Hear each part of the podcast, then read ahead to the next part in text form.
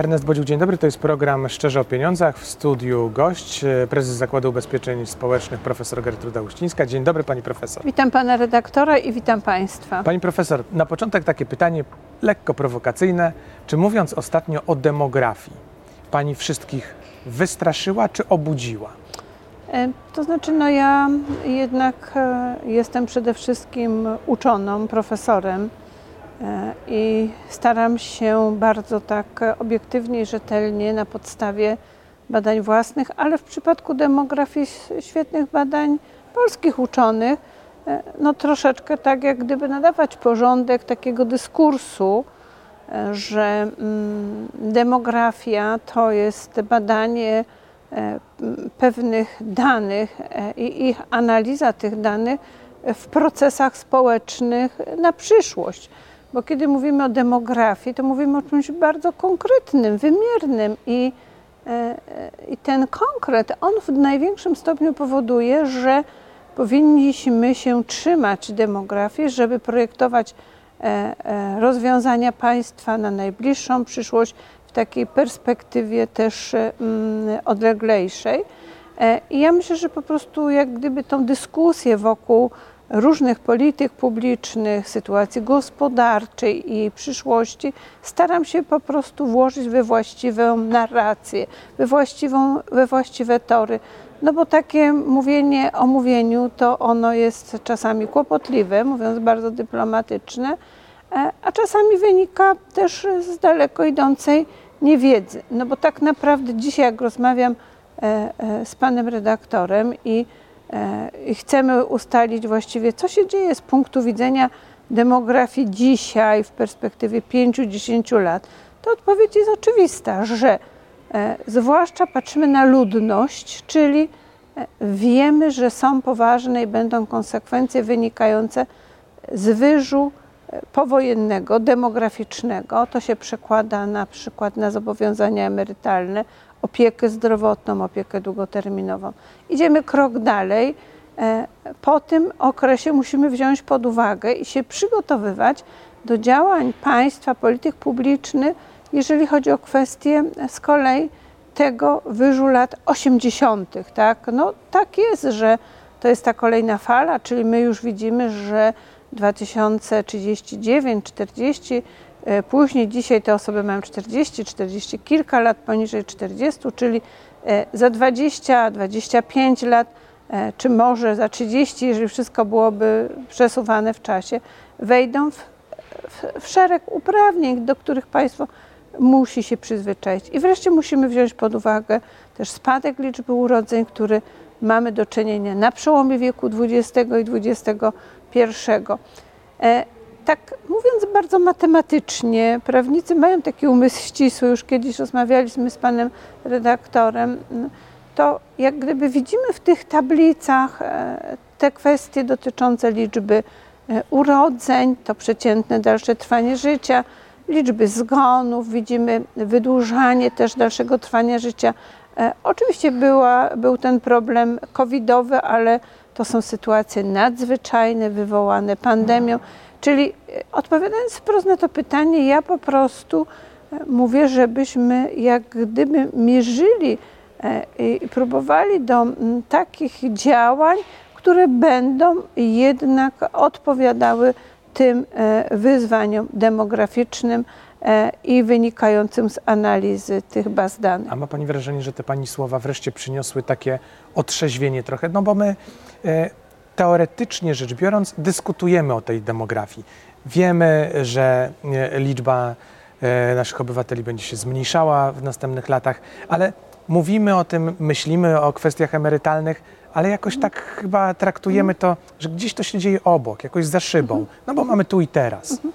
E, t- I nawet e, chyba dalej bym powiedziała, że no dobrze, to, że to wszystko wiemy, że to badamy, analizujemy, ale jak gdyby temu się nadaje czasami ten drugi czy trzeci wymiar.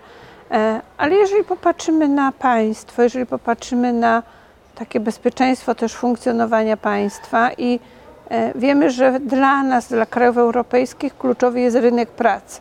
No on jest kluczowy powiedzmy sobie, bo e, to rynek pracy decyduje o produkcie krajowym brutto, decyduje mm, o uczestniczeniu w globalnych procesach gospodarczych, czyli de facto rozwoju gospodarczym e, i decyduje także e, o tym, kto na tym rynku jest e, i e, w jakim wieku, z jakim wykształceniem, z jakimi możliwościami. I te wszystkie działania, które są podejmowane teraz z punktu widzenia na przykład takiej strategii 5-10 lat, one muszą to wszystko uwzględniać. Podobnie e, te strategie, które powinny być przyjmowane w perspektywie 20, 40, 60, a nawet 80 lat. Ja całkowicie zgadzam się z taką polityką. Może ona brzmi dosyć tak e, skrajnie, żeby patrzeć na aktywność zawodową nie tylko do 70, 75, 80, ale Komisja Europejska rekomenduje, żeby analizować też sytuację, co się dzieje z osobami do 85 roku życia. No chyba to z perspektywy naszego dyskursu jest bardzo odległe, jest w ogóle e, w No, ogóle Mogłoby się wydawać trochę abstrakcyjne, ale znam takie osoby, które pracują w takim wieku Mhm. i, e, no, i w ogóle nie zamierzają się z pracą rozstać Ależ na tyle, mamy- na ile będą tak. mogły, tyle będą pracowały. Ależ mamy też lekarzy orzeczników fantastycznych, e, którzy jak wprowadzaliśmy tą reformę elektronicznych zwolnień 1 s- grudnia 2018 roku, to mówiono się, że oni właśnie są już w wieku średnim czy starszym, że to będzie ciężko, bo coraz mniej jest młodych lekarzy, no bo jest młodych w ogóle osób mniej, widzimy po kolejnych rocznikach, właśnie to jest demografia. A okazuje się, że oni fantastycznie sobie radzą i ci, co mają 50, 60, 70, 80, a nawet mam takich lekarzy, którzy są po 90 i stosują właśnie elektroniczne zwolnienia. Czyli, ale już jak gdyby wracając do tego głównego pytania, no, no myślę, że mm, jak gdyby z perspektywy też e, tej polityki, która polega na zaciąganiu różnych zobowiązań finansowych, no to demografia musi być obecna. E, Musimy, jak gdyby e, w Europie w dyskursie o demografii przyjmujemy jak gdyby taką do strawienia granicę, że to jest około ten 2050 rok. Jak my próbujemy dyskutować, co będzie w 2060, 80, to właściwie i młodsi, i starsi, i wszędzie patrzą tak trochę na nas dziwnie. Mówimy o jakichś abstrakcyjnych bytach. E, Ten 2050 w tym dyskursie jest już jakiś taki w miarę, powiedzmy, no, dostępny, żeby... No, bo to jest tylko ćwierć wieku tak naprawdę.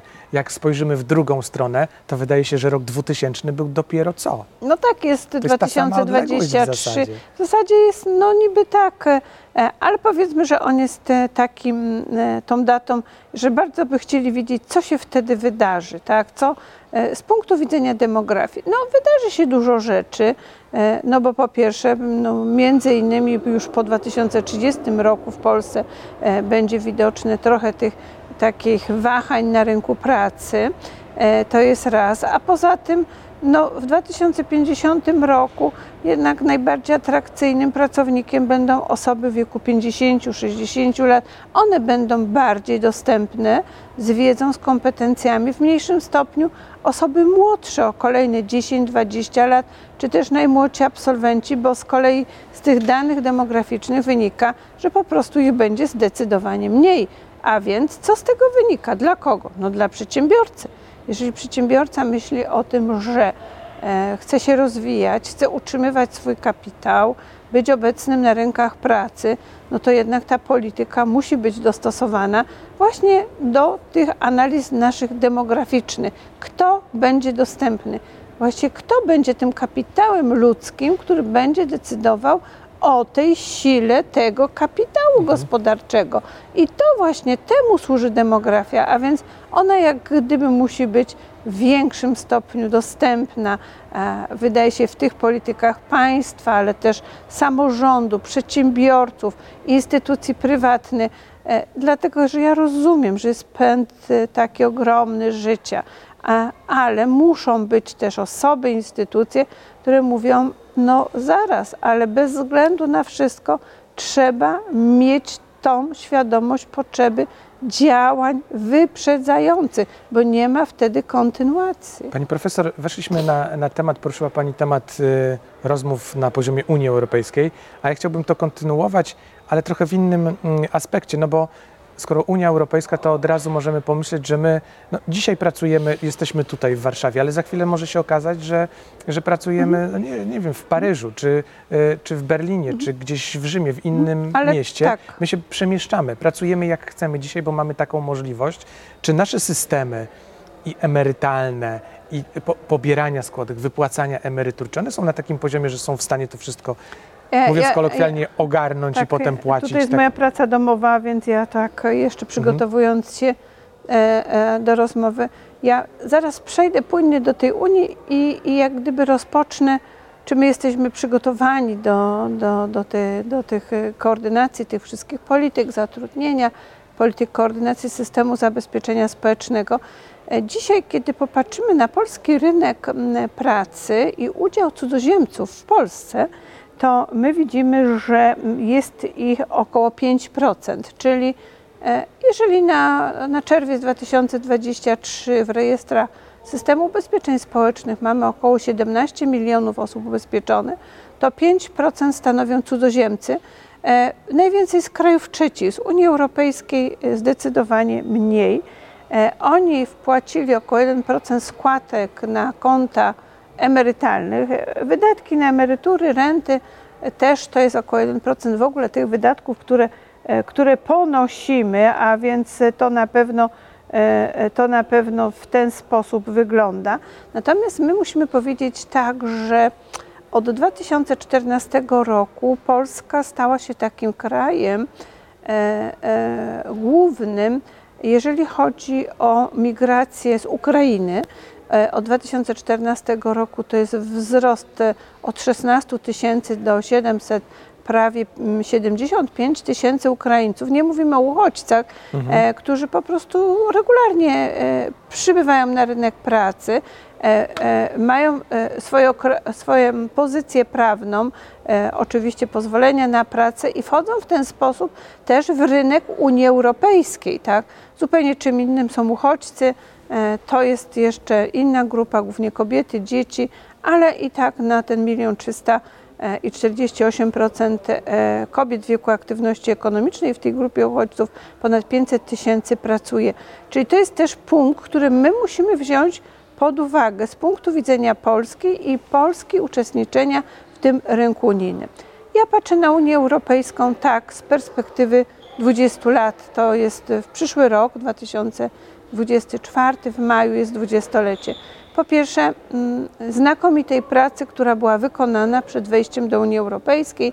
Akurat miałam przyjemność, zaszczyt przez kilka lat uczestniczyć w różnych komitetach sterujących, grupach roboczych. Przygotowaliśmy cały communautaire z wieloma krajami unijnymi, jeżeli chodzi o przygotowanie instytucji polskich, prawa, wyroków Trybunału Sprawiedliwości, a także takich instytucji jak Zakład Ubezpieczeń Społecznych właśnie do zapewnienia stosowania tego prawa unijnego.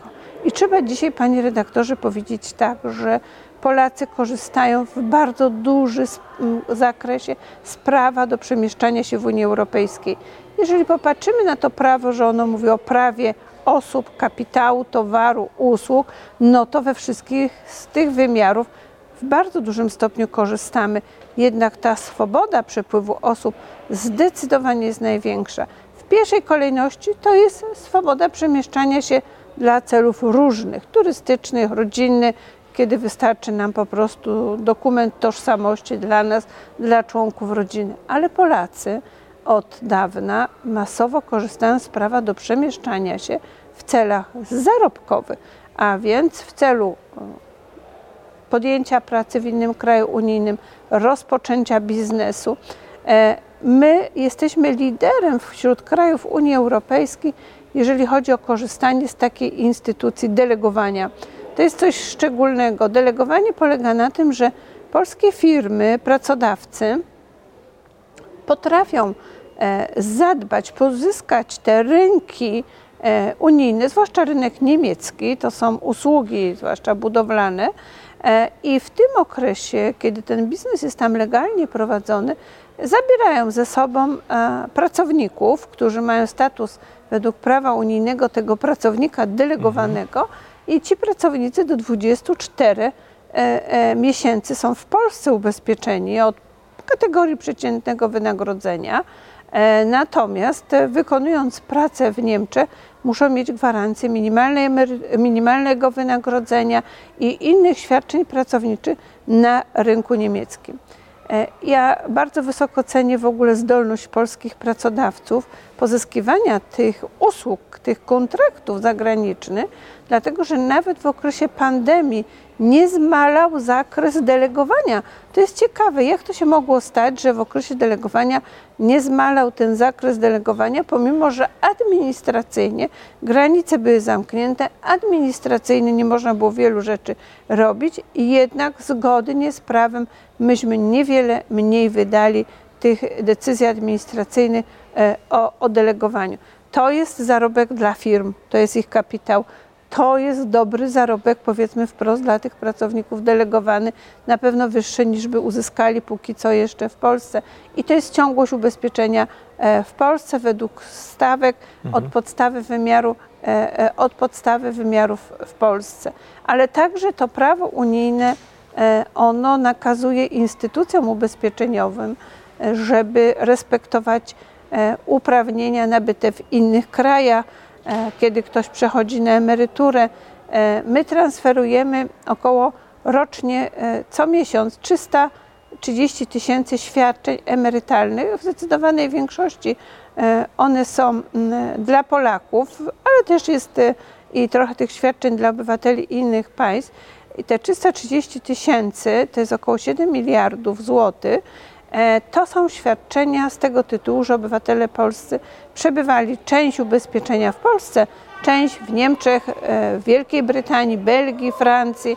I to jest to wielkie osiągnięcie cywilizacyjne, zwłaszcza po Brexicie, jak e, widzimy, że Polacy, którzy w Polsce osiągnęli wiek emerytalny, występowali, nadal występują o emeryturę w polskim systemie. E, Natomiast no, oni będą czekać do 67 lat w brytyjskim systemie. Wtedy ona im się zwiększy, bo dostaną ten komponent proporcjonalny do okresu zatrudnienia Wielkiej Brytanii. Jak gdyby z punktu widzenia tych praw społecznych i ekonomicznych, ta współpraca między, e, e, między właściwą władzą, ministerstwami, kompetentnymi instytucjami, jak Zakład Ubezpieczeń i innymi, jest naprawdę na, na wysokim poziomie. Skoro ja zarządzam instytucją, e, która deleguje najwięcej obywateli Polski, która a, wie, że obywatele polscy masowo korzystają z prawa do przemieszczania się w Unii Europejskiej, to budujemy te relacje z wszystkimi 27 państwami, budujemy te relacje z tymi instytucjami. To polega nawet na tym, że niektóre instytucje zagraniczne mają świetne infolinie w języku polskim, e, a więc tam, gdzie jest e, duża ilość Polonii, e, my zawieramy porozumienia z tymi instytucjami, tak jest w Niemczech, tak jest we Włoszech, tam gdzie po prostu są ci Polacy, żeby oni mogli też wiedzieć, w jaki sposób realizować te swoje prawa, kiedy oni byli objęci tym ruchem transgranicznym. Przede wszystkim naszym wspólnym dorobkiem już teraz w perspektywie tych 20 lat jest elektroniczna wymiana informacji systemów zabezpieczenia społecznego, czyli to nie jest już oparcie tak, że papiery transferujemy, tak, bo my tych papierów już nie transferujemy, tylko je przekazujemy tymi bazami danych, zwłaszcza jeżeli chodzi też o świadczenia emerytalne. Ale największy postęp dokonał się, jeżeli chodzi o to delegowanie. E, Bo jak był papier, e, no to tak jak z elektronicznymi zwolnieniami, jechali na budowę i mówili, że czekają w ZUS-ie na, na ten papier, a tam się czeka i czeka w tym ZUS-ie i tego papieru nie ma i nie ma. I tak było na budowach w Niemczech, we Francji, w Belgii. W tej chwili to wszystko to jest elektroniczny system, elektroniczne A1, czyli jest taka możliwość, że ci pracujący w usługach w Niemczech, w innych krajach, e, w razie kontroli poprzez e, e, identyfikacyjny numer mają dostęp do naszej bazy danych, do interfejsu. I rzeczywiście tak, pan XY ma decyzję, jest delegowany. Taki postęp się dokonał. 1 kwietnia ubiegłego roku wprowadziliśmy elektroniczne decyzje administracyjne, potocznie nazywane A1, które bardzo uprościły system dla przedsiębiorców Polski, dla pracowników i jak gdyby nadały też takiego uwiarygodnienia dla państwa i dla takiej instytucji. Także jednak w tej chwili nie jest to takie proste, jeżeli ty nie jesteś delegowany, żeby jednak korzystać z tych specjalnych, bo to są pewne specjalne prawa przejściowe, niższe składki, bo płacisz z kraju, z którego pochodzisz, ale możesz więcej zarabiać. Pani profesor, to jeszcze jeden wątek chciałbym, żebyśmy poruszyli e, w naszym programie, bo mm, wspomnieliśmy e, o pracy, o rynku pracy. To chciałbym poprosić Panią o e, Pani opinię, jak wygląda nasz rynek pracy dzisiaj, jak Pani patrzy z perspektywy ZUS-u przede wszystkim, jak, jak on wygląda, bo jak dopływają, spływają do nas informacje z Eurostatu chociażby, to się okazuje, że bezrobocie w Polsce wciąż najniższe w Europie. No z Czechami się tam zamieniamy czasami miejscami. Tak, mm, no ja myślę tak, że ta sytuacja na rynku pracy jest e, pozytywna. E, ogłosiliśmy już po pierwszym kwartale, że ponad 17 milionów osób pracuje w Polsce. To są bardzo wysokie wskaźniki. Ja po prostu w takich czasach niezbyt odległych pamiętam, kiedy one wynosiły 12,6, 13, 14 i tak Czyli dalej. kto chce, dzisiaj pracuje. tak, nie kto pracują chce, tylko tak, ci- Którzy nie chcą. którzy, no może też jest wiele osób, które nie mogą. E, mamy też, jak e, No weźmiemy... tak, ale tak upraszczając, jeśli ktoś chce pracować, tak, dostęp pracuje. jest, e, dostęp jest naprawdę do, do pracy. Myślę, że i to w każdym e, miejscu, bez względu na to, czy to są wielkie aglomeracje, e, czy też mniejsze miejscowości. To jest pierwsza rzecz. E, Ponad 17 milionów e, rzeczywiście e, pracowało i po pierwszym kwartale i nadal tak jest. Największa liczba ubezpieczeniu emerytalno-rentowym. No i też bardzo wysoka liczba przedsiębiorców, tak? Prawie 3 miliony, 2 miliony 900, weryfikujemy to na bieżąco.